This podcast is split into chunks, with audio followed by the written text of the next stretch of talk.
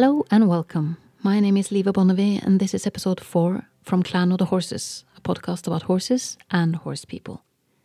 Today I have invited the Canadian trainer Dave Thind. He holds a German Trainer A license and an International Trainer's Passport Level 3.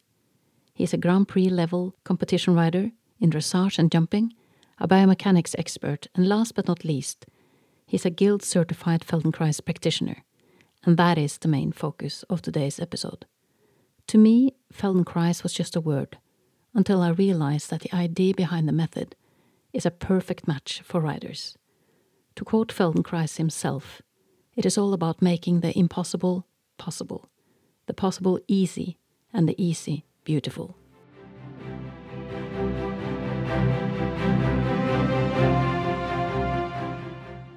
So, Dave, welcome to my show. Um, we met for the first time around a decade ago in Norway.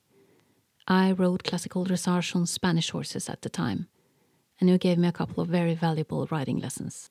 And I've since followed you on and off on social media. And when I decided to make an English version of my Norwegian podcast, your name was on my guest list from the start. For many reasons, but for one reason in particular. It is my belief that you have a very valuable perspective to offer when the goal is to inspire riders to improve their seat through increased body awareness. For what is riding if you're not truly connected with both your own body and the body of the horse? I also like the fact that you offer riders corona friendly ways to improve their riding from home.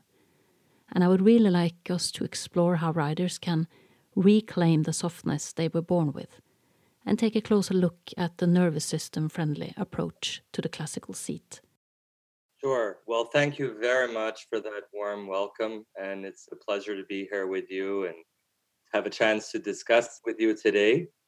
Um, and I think that was, I have to say, one of the things that really struck me about what you said was bringing people back to their natural way of moving, a softness.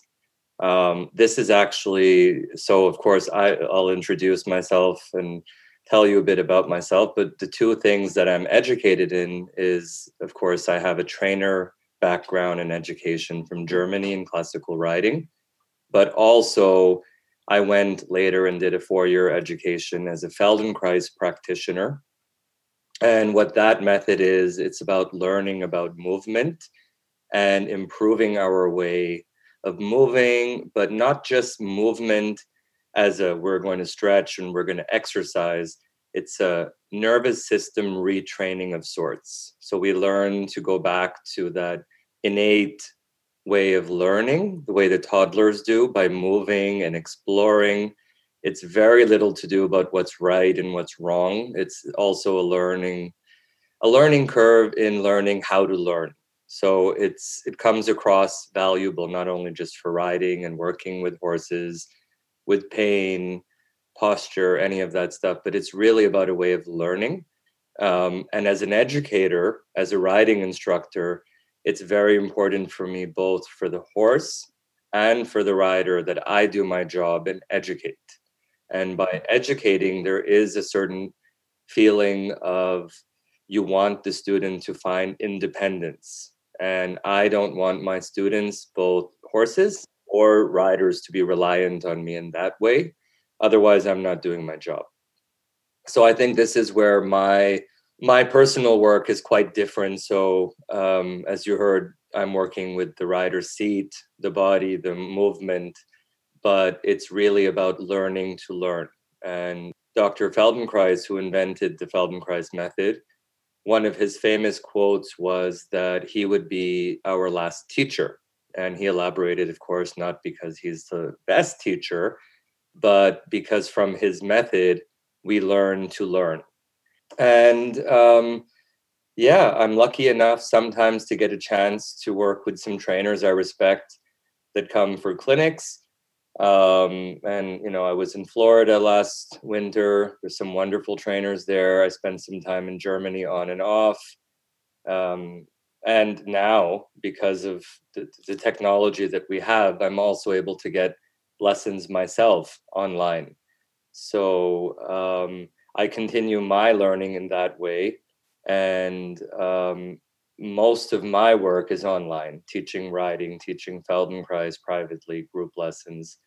And yes, I do travel still for clinics, but that's, yeah, a lot has changed in 10 years. So I hope all of that gives you a little bit of a roundabout answer of who I am and what I'm doing and what I'm teaching. And um, and for people like me who yeah. are um, not very familiar with the Feldenkrais method, some people would say it's a way of exercising. Some people would call it yoga. So for me, it was, you know, I found Feldenkrais over 20 years ago when I was injured.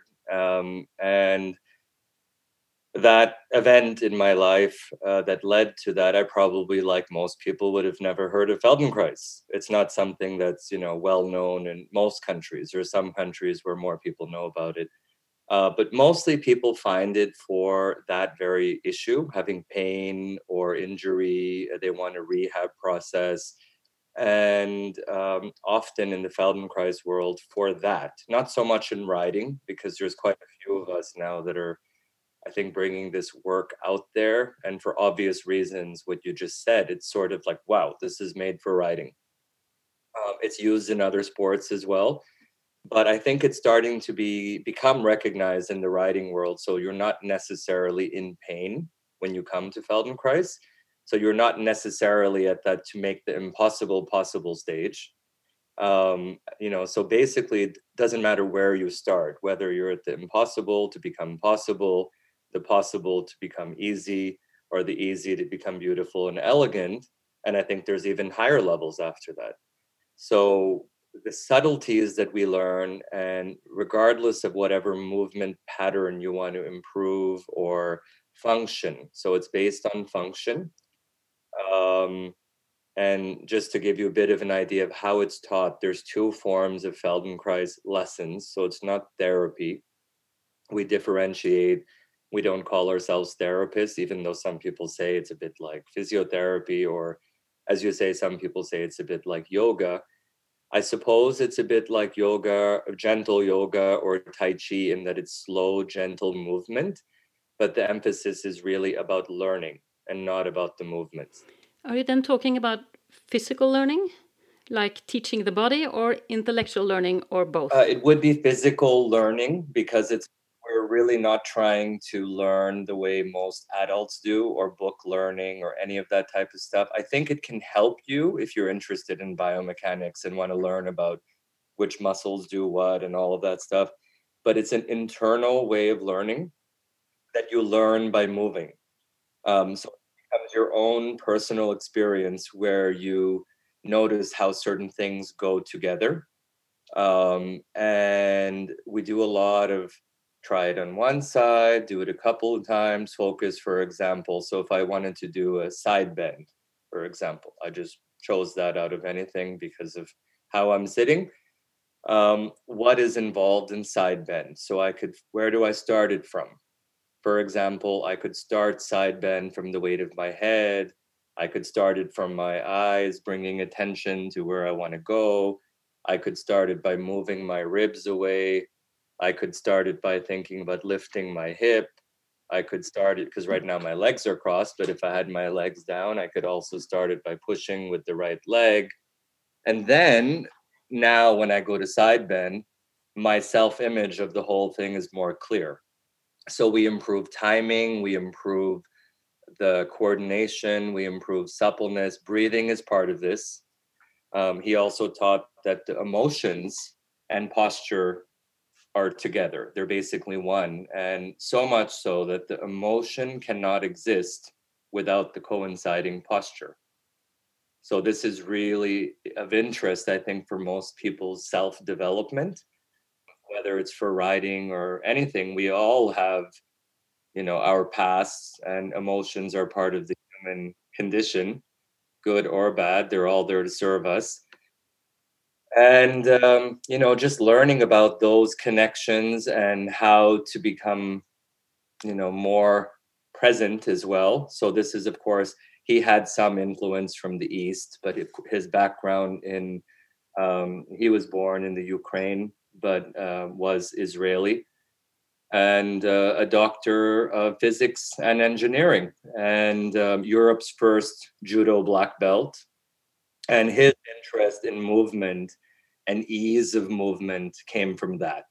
Why is it that certain martial artists can do very difficult, almost impossible maneuvers? And then for someone else, it's very difficult and impossible. So rather than, you know, just writing it off as natural talent or they learned early, he thought that humans had an equal learning capacity, of course, without any injury or something in the way. And he was very optimistic about this that given the right learning opportunities that just about anybody can do anything. And this is wonderful for, I think, in the, the horse sport where there's so much emotion um, because we love our horses. There's a lot of emotion involved in it. It's not a very uh, rational thing in the sense that it's it's such a hard sport to have success in. And whether I call it the sport or the art or the hobby, just keeping horses healthy, sound, happy, and that is a difficult task. Um, and the whole thing, starting with breeding horses, it's a difficult task. So horse ownership and having goals and dreams and emotions. I think all of this is um, it comes together with the Feldenkrais that you can improve your way of moving, your way of communicating. Uh, we of course also touch on how the parts of the nervous system. So whether we're activating our flight response, our fight response, our freeze response. So the basic we can't say that you're either in the parasympathetic or the sympathetic part of the nervous system. The two work together. But of course, all of the reflexes that we have that have something to do with what ancient man would do if you know a rock is falling on the head do they do something with their head to protect their head um, if they feel that somebody or something is coming to bite or uh, attack the throat. So hiding or shortening the throat latch. So mostly all that has to do with flexion or shortening the front. So it's actually the usage more or less of the front of the abdominals. This has to do with some kind of fear or protection mechanism. So some kind of closing. So we know this, you know, we talk about it very loosely that people go into a fetal position when they're nervous. But if we think about it like this, it's so clear. Why are we doing it? It's about protect the head. Very, very important, important goods. We don't want to fall because game over. If you um, were to lose, you know, falling is very difficult. So, of course, we have to all deal with the fear of falling. Some people think they're not afraid of falling off their horse, but of course they are this is how we learn to get on our feet and stand is because we were afraid of falling and we know how to protect ourselves from hitting our head so even if it's there at a very small level this is why people grab with their hands have tight legs around their horses have difficulty breathing you sometimes see it in the eyes the way the eyes work. Um, all of these things are quite deeply coordinated and ingrained over you know evolution. And if again back to this ancient man the way they use their eyes if you know they span the horizon and they say oh yes i'm safe here.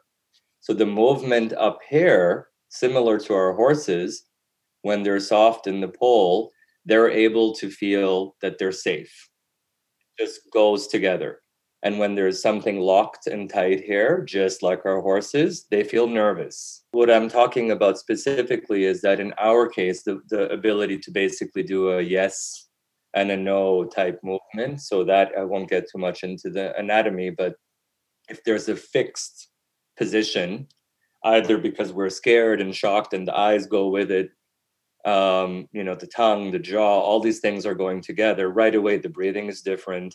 We're ready there's something wrong. Flight, fight, freeze. Um, and this is why having soft eyes, as Sally Swift talked about in her Centered Riding work, um, you know, is crucial. But I have to point out, you know, not to point fingers at certain types of riding or certain techniques or beliefs, but strong bits and artificial head carriage and fixed positions. You can't expect your horse not to um, go into that part of the nervous system. People complain that their horses are hot or spooky or whatever. and they'll fix the head position, but they don't realize that they're actually invoking those responses. Um, yeah, so it's a very deep way of thinking about it, but it all actually is science based. Um, it's just going with what is naturally there, understanding it. And uh, this isn't different from what normal classical riding is. We talk about classical riding is based on the natural biomechanics of the horse and rider, the responses of the nervous system. And this is just a tool that I've found that the two fit together. Would you say it would be some kind of reprogramming of the body? You know, it's something that I actually will use that term. Um, whether we call it a reprogramming or reset. So I'm going with what you said earlier about the what's naturally there. What we're trying to do is go back to what's naturally there, naturally available. Um, it's not necessarily we also don't try to correct or even look at ourselves in that way that we want to fix something. Um, uh, one of his quotes is to correct is incorrect. And whether that is to do with um, the practitioner working with the student, we never, he actually was very important, you know, very, very, very adamant to never make his students feel that they were wrong. So, one of the things, for example, we use is uh, with this to correct is incorrect thing, how we're different from exercise, physio, or whatever it is, whatever we find that is undesirable. So let's put it that way instead of saying it's something bad or wrong or I don't want to.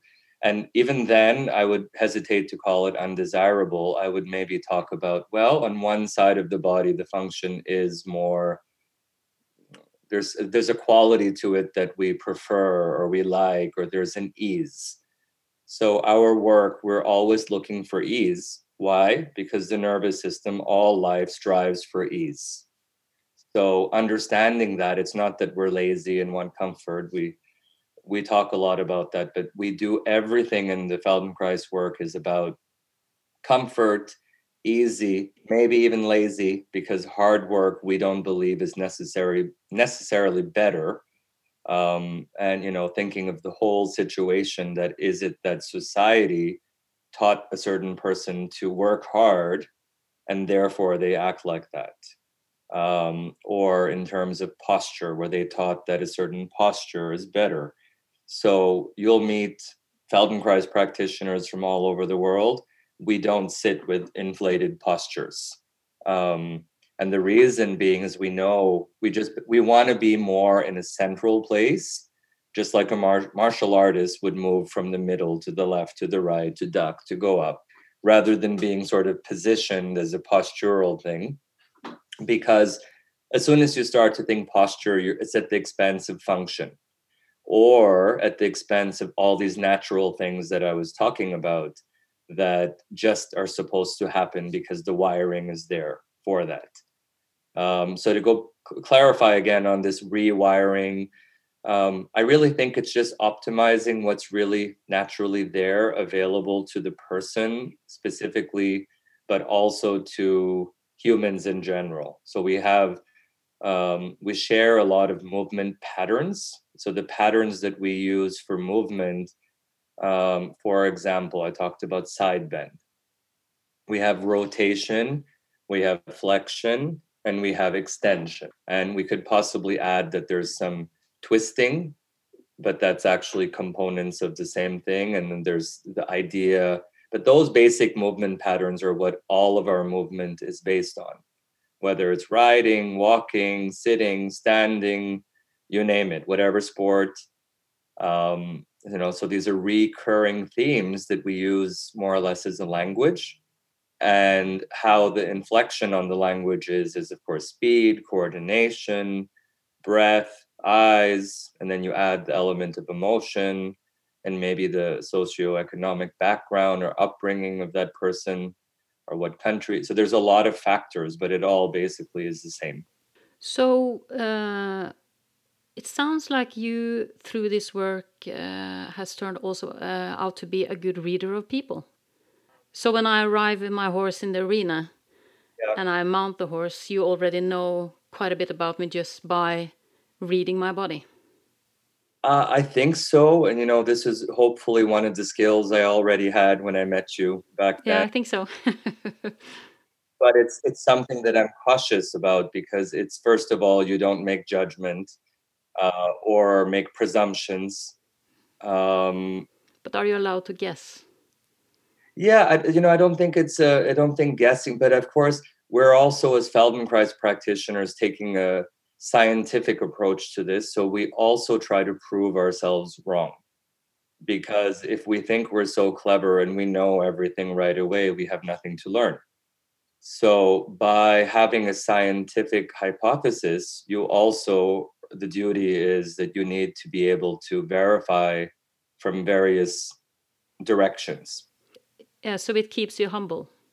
I think so, absolutely. And we all have our um, and also the role we have we don't have this role um, for example as i was explaining we will work with someone in person we do something called functional integration so if you came to see me of course i'm trained to observe you how you use your words how you use your eyes your breathing the postures that come with whatever you're telling me about not unlike other you know therapies that you might go to. And i say the therapies because we're trying to do classes or lessons instead of a therapy session and that's what we call it as a lesson.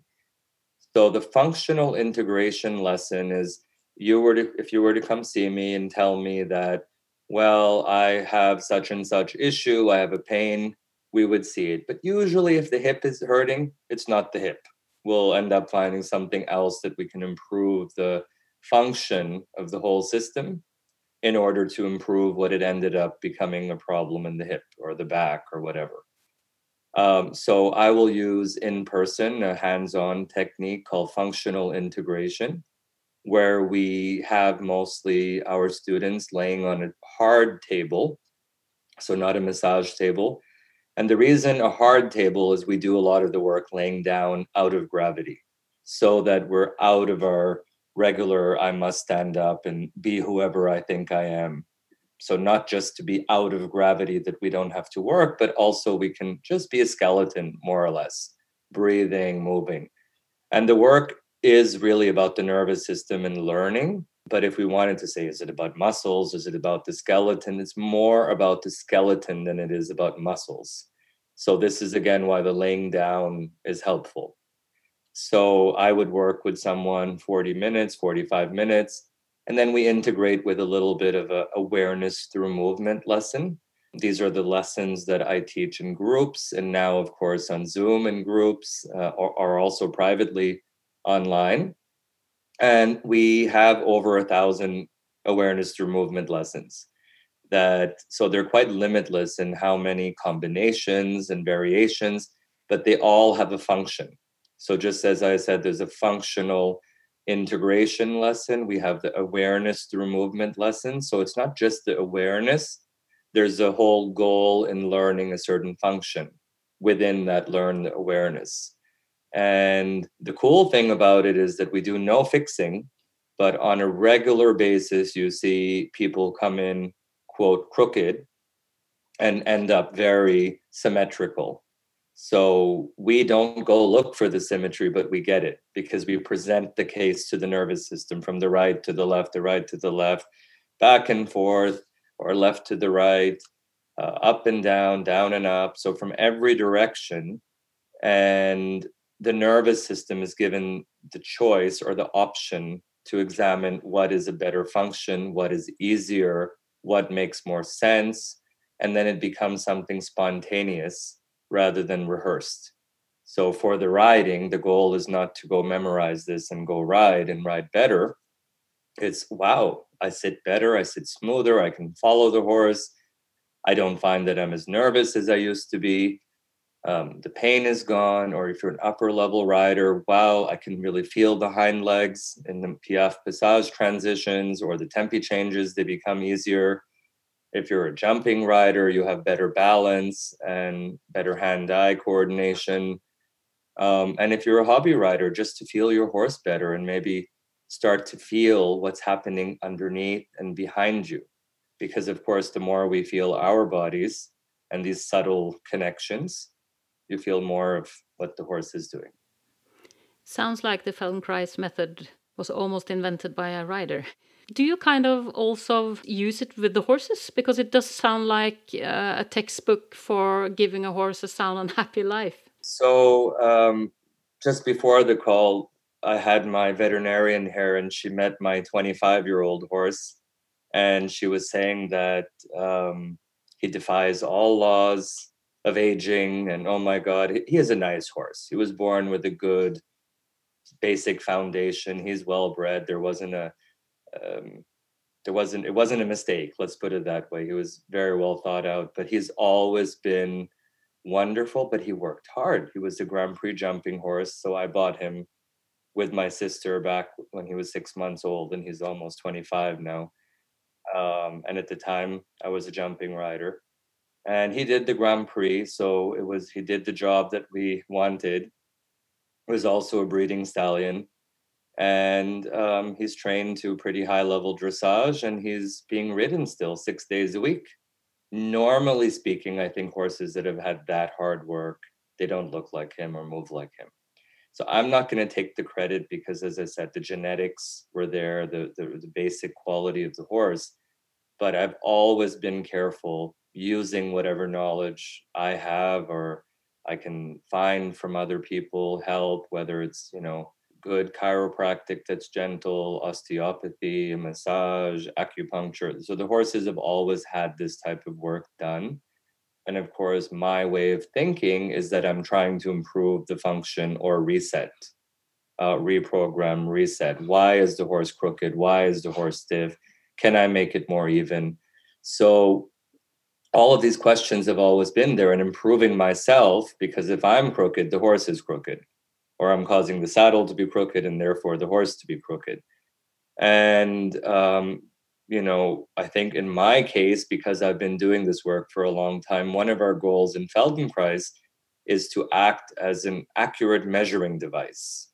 By that, are we really in the middle? And if we do something to really weigh what is happening left and right, not, not specifically weigh, but measure, this is what we're doing. Not just the reins, which is an obvious example, but what is the horse doing on the left shoulder versus the right shoulder, or the hind leg versus the other, or the one diagonal versus the other, or in the side bending in the ribs. So you're always evaluating these things and trying to feel it and not really fix things, but make them more evenly available. And that is our goal in terms of posture that things are evenly available. And therefore, you reduce the wear and tear on what's being used too much. So, as what I was talking about the hip earlier, usually where there's a pain, it's because the person uses it too much. And in a regular way of thinking, you try to make the let's just say that the side bend again. Was very very easy and limited on the one side. We would try to let's make this other side learn it and do it and stretch it. But what we would first do in feldenkrais is let's learn how we do that the easy side first allowing the nervous system to learn from what it's already able to do. So the hands-on work would maybe spend some time on the ribs something with the shoulder girdle, the clavicle, you know, and what are the options and how is it if we create a resistance? And then the brain has to follow and find these um, i guess to work around the obstacles. And then again we make it even more clear more variations possibly in rotation. And that is supposed to inform the other side so we rarely will go in to try to make something improve it by doing more with something that it doesn't want to do. And, you know, possibly the lesson would be lengthening on one side, shortening on the other, just making it crystal clear, spelling it out. Um, sometimes in a follow up lesson, we then reverse the role. But usually the first thing is to go with the pattern. That's a strong, strong piece in my training of the horses is I don't try to force them to bend or do whatever it is that they're not able to do.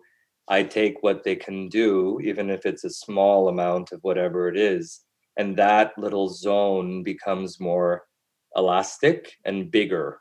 And you can play with this over time. And if you add that to, you know, muscles and skeletal function, the capacity of the animal starts to be more like a younger horse or a more talented horse or a better coordinated horse. And you know that's yes i'm teaching this through my riding um, the way the questions that are asked of the horses um, how they're suppled on a daily basis. Because if they come out exactly the same stiff every day and you do exactly the same bend the neck bend the this do that or even carrot stretch for example you're trying to fix something as opposed to work with the brain the nervous system to keep recalibrating and in a way stay young.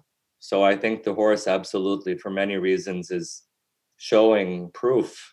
Um, and I've had a few horses, as you know, the older ones doing well and coming to me um, with previous problems in their body and in their training and mental issues. So um, yeah, I think that's absolutely one of my. I don't want to be responsible to ride a horse and cause them issues just because I want to ride, because then I don't want to sit on them. You know, it's just for me, it, it's my job. I'm not trying to scare people that don't get on unless you're perfect. That's not the case. But if I'm feeling crooked and stiff, I don't get on. I need to know that I'm not going to make my horse crooked and stiff because I'm feeling crooked and stiff. Um, just like someone who's in a bad mood shouldn't ride. And um, I think for me, riding horses, they never asked for it.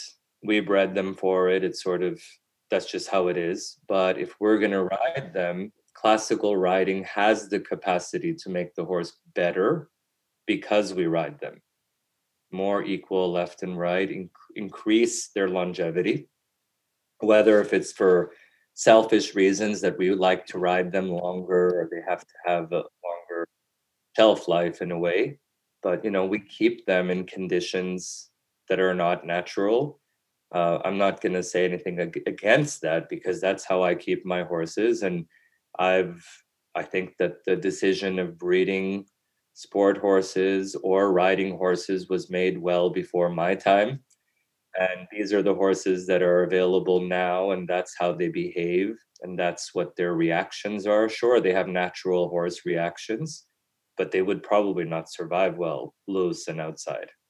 You know, they're just that's the fault of man-made breeding, if you want to say it. But um, so I think to make it as natural as possible, these very primitive reflexes, uh, you know, according to flight, um, and you know, of course, the body's way of radiating towards ease and safety um, and feelings of comfort and moving away from fear and discomfort. This is the same for us. This is the same for them. Doesn't matter if they were you know wild horses or bred to be riding horses. So again why this method works um, in training them and keeping them supple you said something about going from make to ask i'm always intrigued and interested to know if you were in that make the horse do it part of the horse world and, and came over to the ask or wait for the horse, what triggered that transition from make to ask for you? It's a very deep question. We could talk about this for an hour. And, and, and in Feldenkrais, we actually say that um, the answer to most questions is it depends. And usually the other answer is the pelvis. I probably stand in the middle because um, it's not that I want to make horses to do things, but I also don't believe in fairy tale training. Um, and you know, I'm not where I'm standing. It could easily say that I point fingers and say, "Well, other people force horses, and other people are fairy tale." So I'm not saying. I really am saying it respectfully that in my current situation, for what I'm doing and for what I'm teaching, what resonates true to me. And this is really important because it's my experience. And of course, if people pay me for my opinion, this is what they're getting. But there's so many ways.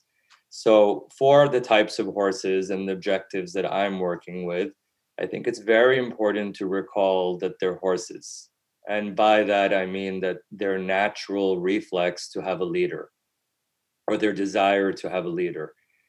And um, in a herd, most horses want to have a leader. So, this older horse that I had mentioned, he does not want to have a leader. Uh, he was a breeding stallion and quite difficult as a youngster as well and uh, you cannot make him do anything. So this story about um, you know, but I, I, don't like to tell horses to do things, but you know, this tell a gelding what to do, ask a mare, and negotiate with the stallion. So with him, it was very careful negotiating uh, for years. But that's that's through all his life, or because in my experience, they tend to be more and more uh, going their own way with age. So they're more uh, flexible when they're younger, and when, as they grow older, they go more and more like I'm the captain, and you're just master's mate. This has actually decreased with age for him. And I don't know if you believe in that type of thing, but there's, you know, these ideas of training horses according to their Chinese personality type. So whether it's a fire horse or, yeah, Ingrid Klimke, Olympic rider Germany, teaches workshops with a vet on this subject to recognize what personality type do you have according to this Chinese model? Um, so I, you know, I don't know a lot about it, but basically there's the fire type, there's the wood type, and the thought here is that they can change and then evolve. So usually the difficult horses, according to that model, as they get older, they're more mellow. But anyhow, so he did not want to be told anything, and he had hormones that were really making him. He would have been the leading stallion that would fight with other stallions in the wild and win. So it was it wasn't you know wasn't a weakling stallion. Let's put it that way. So uh, he's no longer a stallion. He was castrated at age 12 when I was living in Europe because he was too difficult for people to handle. But anyhow, um, yeah, he was a very good teacher to me because I was probably more of a passive rider to begin with. So, growing up in Canada, learning to ride there, we have a system of training that's quite passive, uh, based on riding thoroughbreds from the racetrack, or what we call them over here racetrack rejects. So, you have mental and physical basket cases um, that you should not touch too much in the mouth. You shouldn't sit heavy on them, and they're very flighty, so you learn to be calm um, I had luckily a martial arts background before getting into riding, and I would say that I was a little bit of a cautious rider, not the one that wanted to go running and be wild. And I also wanted to do it, quote, the right way. So, because of all these conditions, um, I think I was a quiet listening rider to begin with. And um, having one of these young horses test or create dangerous situations or various you of course are are taught that you need to become the leader but maybe I, I don't think i was i was quite fortunate that i never met the wrong people. I had very good people helping me and sort of form my basics. And of course then i was interested and i still am in the german classical way of riding. And you know i think some people stereotypically think the german way is forceful but it depends what we're talking about. It's a country very rich in horse tradition, equestrian art, military tradition, sport, and they have a, a tradition, you know. So because of this, there's a knowledge that's there.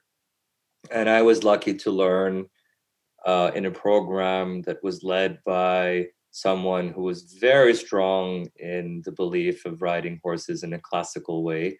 And I think the good ones there are. So yes, he was involved with competition riding. Um, Martin Plewa, the director of the school where I was at, he uh, this was one of the people I got to learn from, but he was the director of the trainer school, and it was very much centered around the mental well-being of the horse. That it should be allowed to see the outdoors. It should be out as much as possible, be basically allowing for as natural conditions as possible for stabling, feeding, you know, paddock situation, the training, it should be out on the country, not just in the arena. If you're a dressage horse, you, we still do jumping and uh, eventing. So he, it's not a coincidence. He had been the coach of their uh, Olympic eventing team. So his his version of the training was very, um, you know, very much based on the three components of classical riding or the Olympic sports. So we have the dressage, the cross country, and uh, the show jumping. But also, as I say, the the art involved there, the tradition, passing this along to the next generations of you know how to look after your horses how to train them how to be fair all of these things are a very big piece of the training education in germany and i think um, this is you know often you hear this usually from the older trainers who've lived their lives and made mistakes maybe forced some horses when they shouldn't have. Um, so I think if you have the education, that's very, very important, first of all, to have that education or some sort of education to recognize also what it is that you want to do, but being cautious not to put human emotions on a horse or project those or dog like emotions because it's a herd animal and their reactions are based as a horse um, and not as a human, not as, and this is again my opinion, but uh, I think they're wired in a way to react possibly in a dangerous way. Um, you know, if I'm talking about, you know, the standard riding riding horse, a warm blood, or even a Spanish horse, they're quite big. Their responses to flight, and if they don't feel safe with their leader, um, so a leader can be very quiet. We can watch horses in the wild, it doesn't mean that the leader is rough. So if you watch some broodmare that's very, you know, wise and old, but she'll also threaten. They sort of escalate based on a scale. If something is not okay, there's a young horse that's jumping on her and misbehaving and not whatever it is that she wants to educate, she will use her body language. And there's the first level of that, the second level. So whether it starts with a little bit of a tail swish and maybe the ears go back, um, and then maybe you know there's a bit of a let's let me show my gums and my teeth, and it will escalate to a sharp, loving broodmare kick. That's that's how they work. That's just my opinion, and you know I don't think that that at all has anything to do with how we interact with humans. Uh, nor does it have anything to do with you know an animal like a dog. So i think for every person they'll land on their own way but in my experience there's a there's a gap between sometimes those who mean well they don't accept what a horse naturally is. And um yeah this is why i say i'm in the middle. I'm not one to force horses but i'm also uh, not going to deny that there has to be consequence when we're discussing, uh, much like the loving broodmare. And I'm not talking rough, but sure, I wear spurs, I have a whip. Um, and I don't say that it's uh, wrong to use it, but it's wrong to use it if it's not leading up and following through on a conversation. And there should never be emotion in the mix. We're not fighting, we're not angry. There's just a clarity. And the last thing I should say on this is that if you know your body well, you also know did I breathe and get tight and stiff, or can I be neutral? Um, because if you you know that type of martial artist type neutral quietness to you, if you can be there almost zen like and recognize that you can in an artistic way in a trained way in a high level of classical education use these tools. So whips and spurs are not meant to be used when the rider doesn't make sense what they're saying and they don't think the horse is answering and the horses become cold because they're giving conflicting aids then it's absolutely not fair. Um, but yeah that's just that's just my and this is for me at my level what i'm trying to do. I'm trying to make the horses answer to whispers. I don't want to yell with my aids. I don't want to be very loud as a personality when I'm around them. I try to keep my energy down and quiet, uh, humble, you know, watching my posture as well, how I approach them, how I touch them, what's the intention. So, one of the other things in Feldenkrais is we don't even try to fix. When we touch somebody, we meet them where they are respectfully. And we're not trying to fix, we're not trying to correct.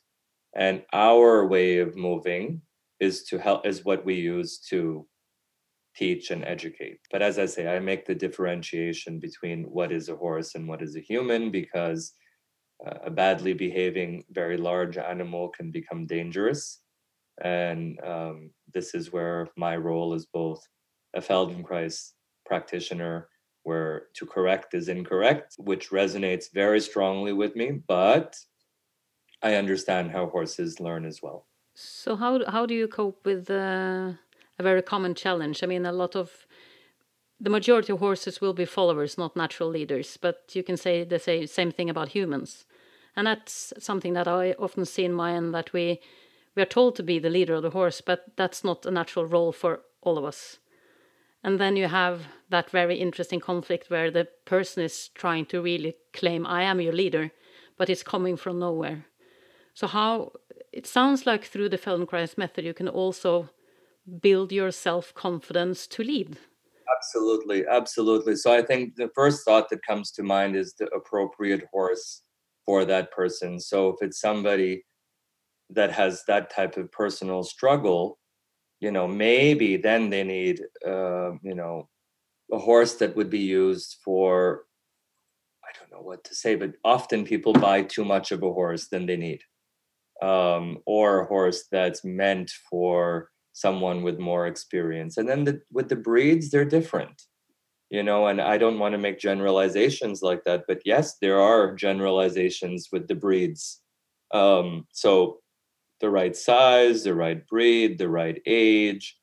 For someone who's very nervous and wants to learn, they should be given the opportunity to learn on a maybe of a colder, less reactive babysitter type horse so that they can be given the right opportunities to develop the self confidence. And I think that's actually where it goes. So I ended up with a racehorse you know um, that was my first horse and my sister and i bought this horse and it's a funny story we'd been riding a year and he'd actually won as a thoroughbred racehorse at woodbine in toronto so it wasn't a slow poke and uh, we ended up with him and that was fine but you know at the time I, I broke my neck I actually didn't know at the time. I found out that there was a fracture when I had hurt my back later, but I, I know when it happened. The horse, unfortunately, had been taught to be whipped if he stopped at a jump. This is a good example of the wrong type of training, but the trainer at that point was not very experienced. It was my first trainer. He was a nice guy, but you know, he was still struggling in what he was trying to do. And he borrowed our horse, which we thought was fantastic. We got free training in a way, and took him to a jumping show and buried him too close, wrong distance into a Swedish oxer, and the horse fell into it. So now he's terrified, doesn't want to jump.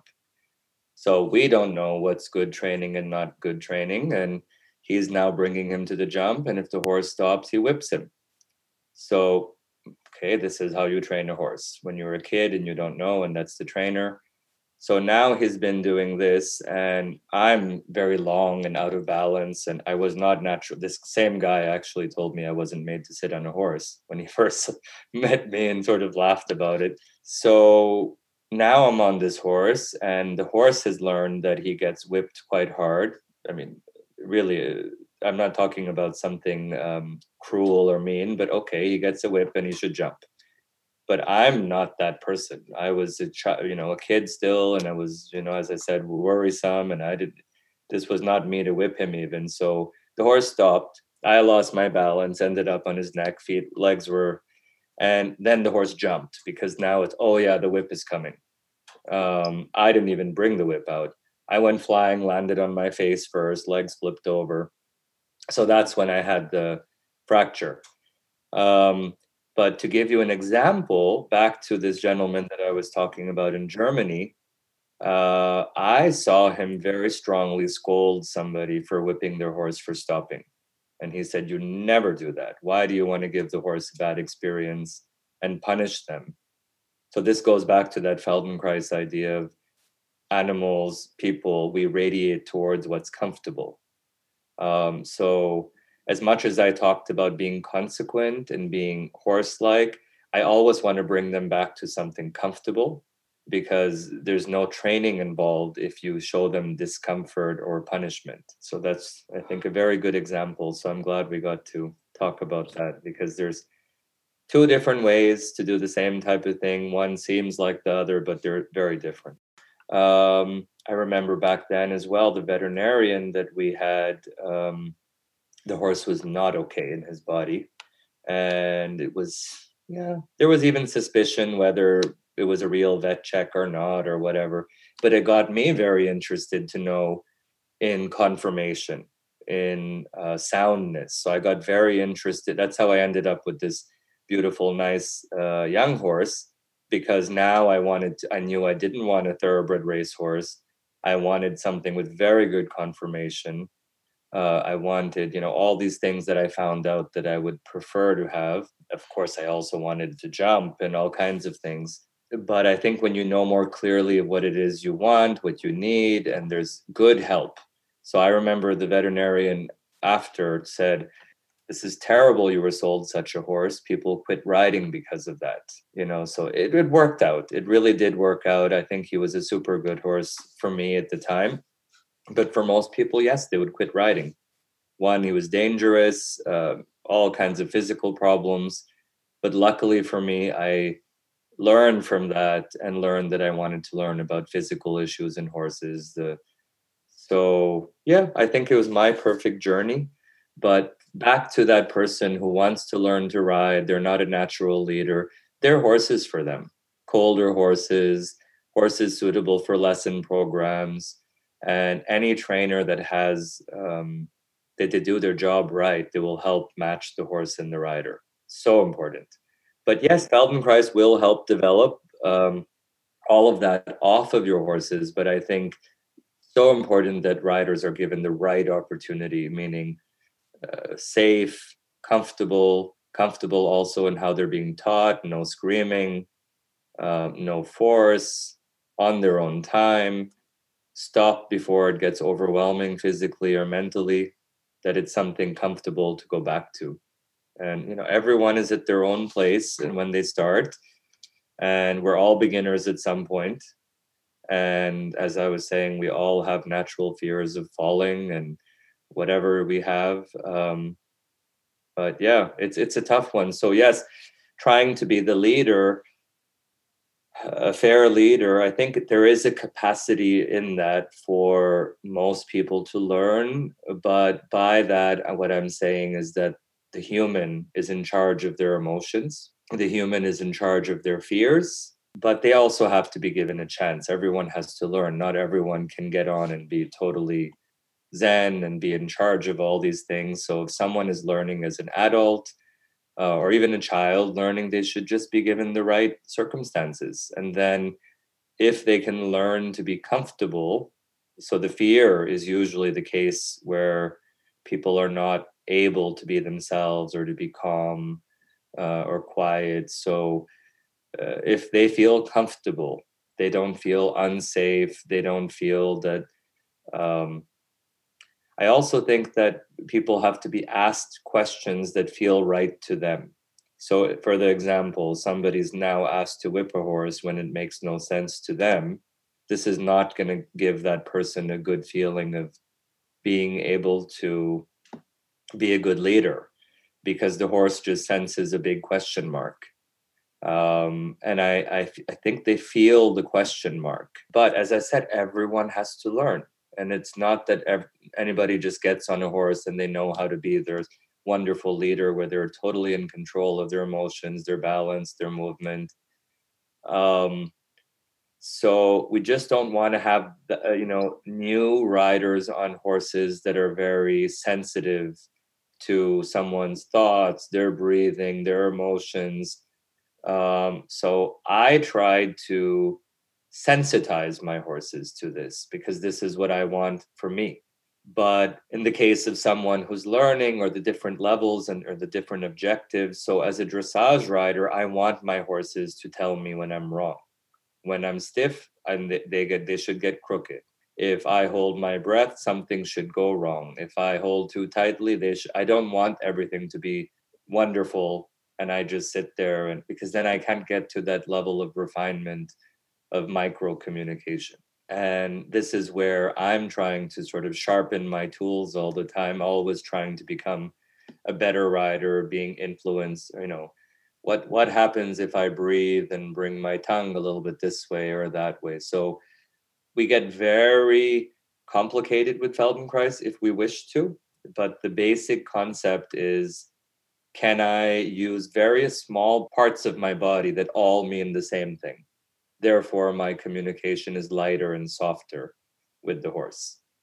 And, you know, if you combine that with the regular classical training, we know that, okay, A plus B, ab, is, you know, you're making your sentence based on first the letters, then the words, and then, you know, being able to make a language. But where I am in my riding, I'm trying to find, and I say trying to find because I do believe it's a lifelong learning, is that beautiful balance between classical competition riding and classical art. And then I combine this with what I'm doing with the Feldenkrais, which is supposed to have a physical and mental and emotional, you know, benefit to the animal. And um, as I get older, I should feel better and better. I have no pain anymore. 20 years ago, I could barely walk. I didn't ride for three years.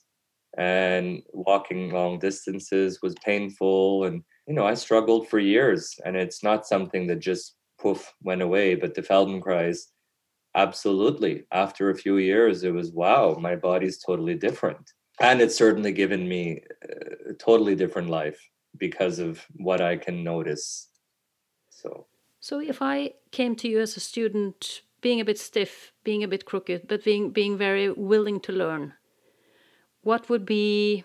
This is really I I know it's difficult to to put it into a timeline, but how long will it take to kind of give me a whole different approach to riding on the horse and the seat and everything? So I'll try to use um, a Feldenkrais example to explain this. So it's not even about training because again, it depends. You know, I have to see the rider, the horse, and how often are they coming? How often am I teaching? And you know, there's a lot of.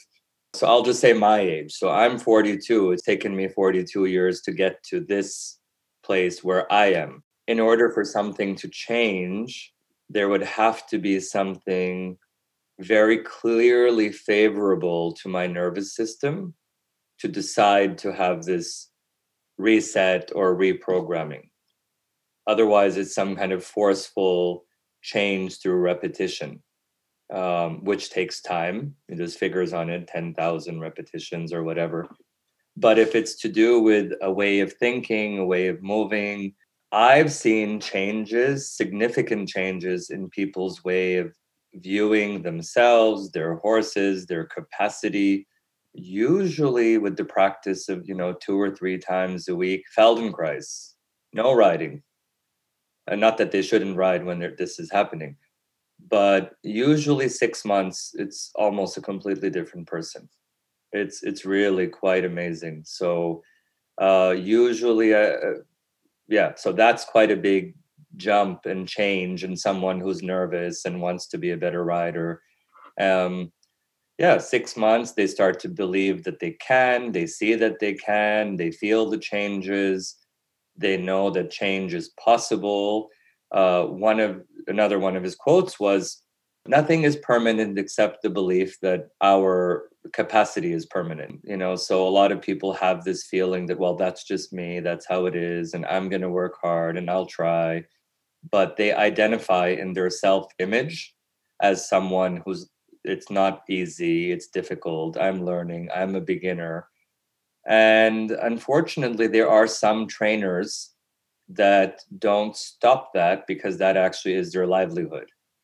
In some countries more than others. I've seen the pattern that um, there's almost this keep the students needing you type approach where uh, as i said in the beginning of our conversation we're trying to help people learn to learn to find their autonomy and to uh, he talked about bringing humans back their self dignity you know so you're teaching people to really sense and learn and do what's good for them, to stop asking for advice, to really be able to check in with themselves and find what's true to them, what's good for them. So that whole giant change is not going to happen in six months when it's taken 42 years for there would be yes quite amazing and magical changes in that way of thinking and viewing oneself and your self image of where you think you can go where you are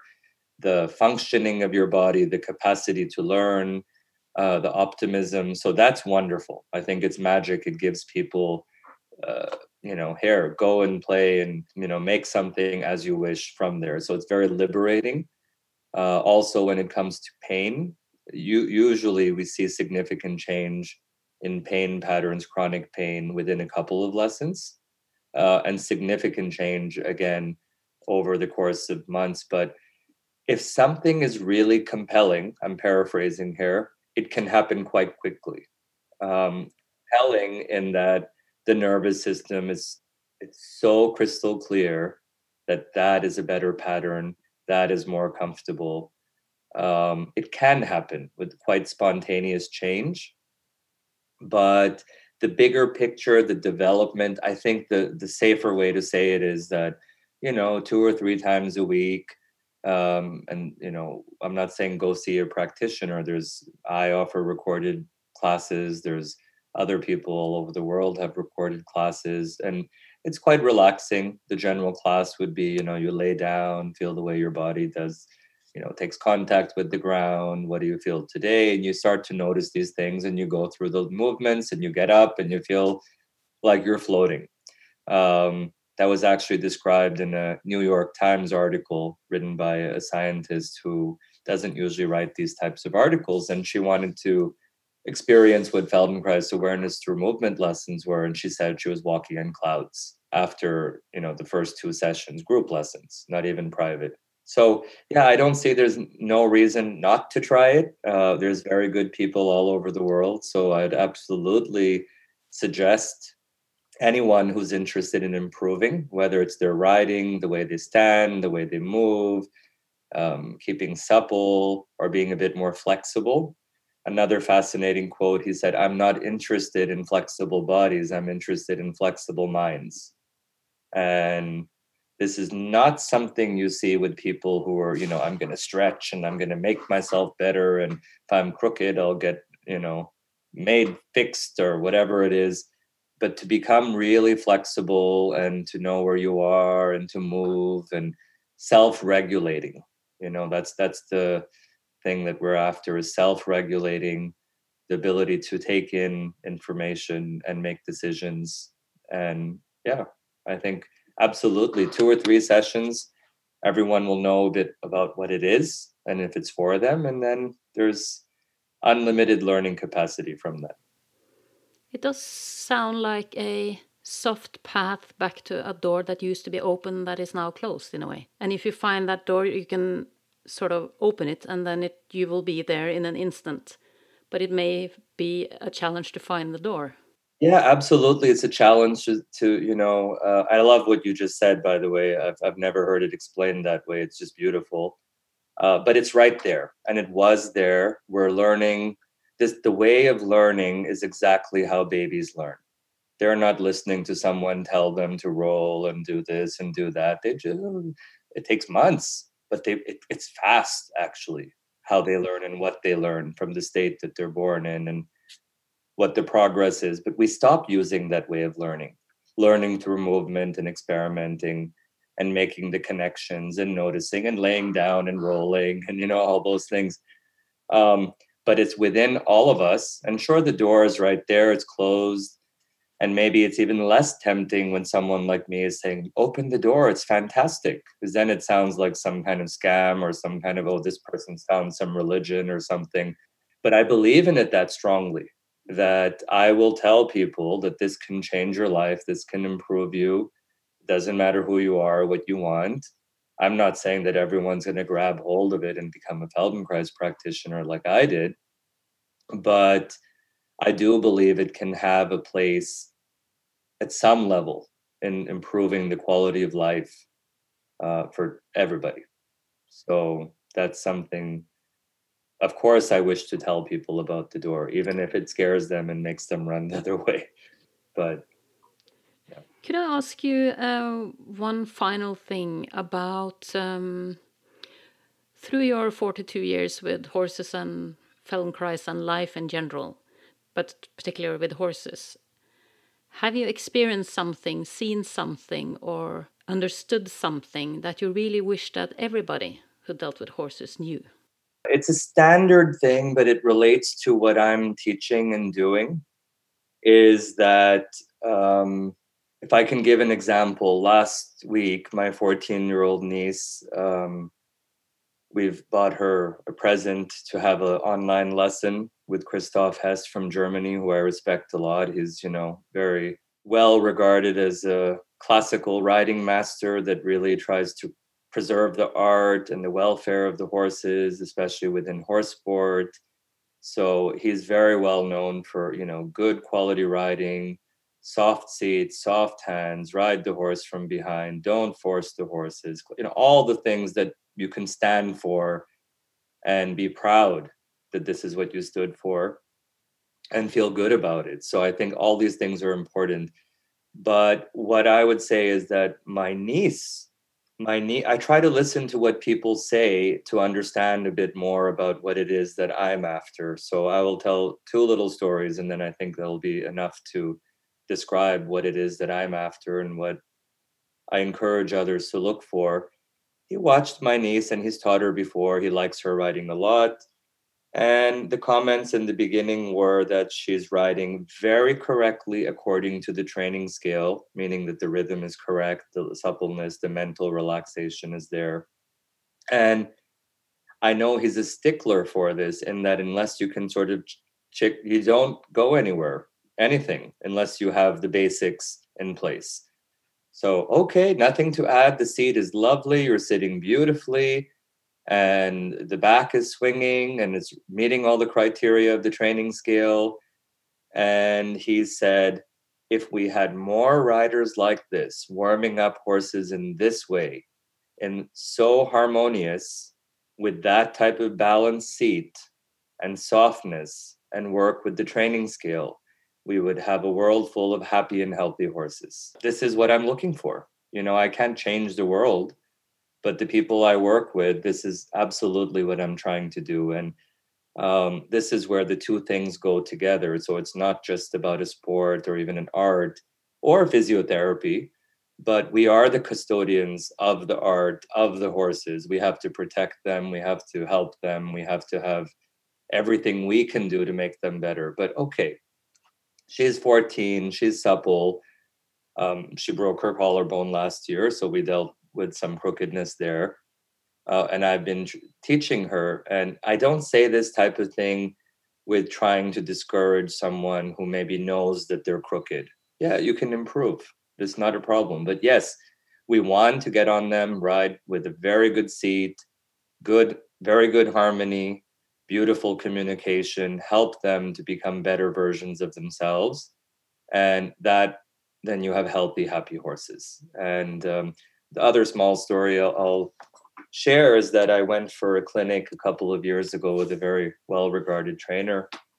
And this is not for me to show off or anything, but he said after about 10 minutes of watching, and it's a bit of a funny story, it was quite an expensive lesson. And I thought, well, was he going to say something? It's $450. And, you know, 10 or 15 minutes have gone by. And um, he then says, okay, come to walk. And um, he says, Well, I rarely see this.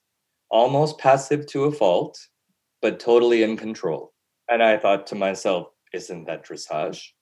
And then I realized what I don't like when people are trying to control, or I don't like the passive and the horses in control, and it becomes dangerous. So I think this is what really, you know, to, to end our conversation, and especially the subject that we talked about the whole you know whether i'm telling horses to do things or whether i'm asking um, and where i stand in the middle on this it, with that whole it depends this is what I was, you know, probably. I remember hearing that and thinking, this was fantastic for me to come here to better understand in my self image what it is I want for my riding and what I want for my students. This totally passive, but totally in control. And, you know, it's an art to learn that. And we have to, we all have that capacity. Dave, thank you ever so much for uh, coming on our show and talking about this very interesting subject. I wish we had hours. but you do have a website, so it's easy for people to look you up. And also, like you said, finding other sources if they're interested in learning more about Feldenkrais and the combination of Feldenkrais and classical riding. Absolutely. Uh, so, as I said, there's a few of us who are practitioners who specialize in both. But if you put in my name, you can find my website and I have various course offerings, and you know, there's articles and some freebies on YouTube. So, um, and I'm also happy to answer questions. So, if any of you uh, have questions, please don't be shy. You can reach out, and I'm available to answer those questions. Brilliant. Thank you ever so much, Dave. Thank you. It's been an absolute pleasure, and um, I really appreciate the opportunity, and uh, I think it's wonderful what you're bringing to the horse world. So thank you. You have just heard episode four from Clan of the Horses, a podcast about horses and horse people. But it's not yet over. Dave and I have added a bonus segment where you'll get a practical introduction to the Feldenkrais method. Please find a place where you can lay down on the floor for about 25 minutes, uninterrupted, before you listen to it to get the full experience. Then I just want to thank my composer, Fredrik Blom, my guest, Dave Thind, and last but not least, I want to thank you, dear listener, for your patience. May the horse be forever with you.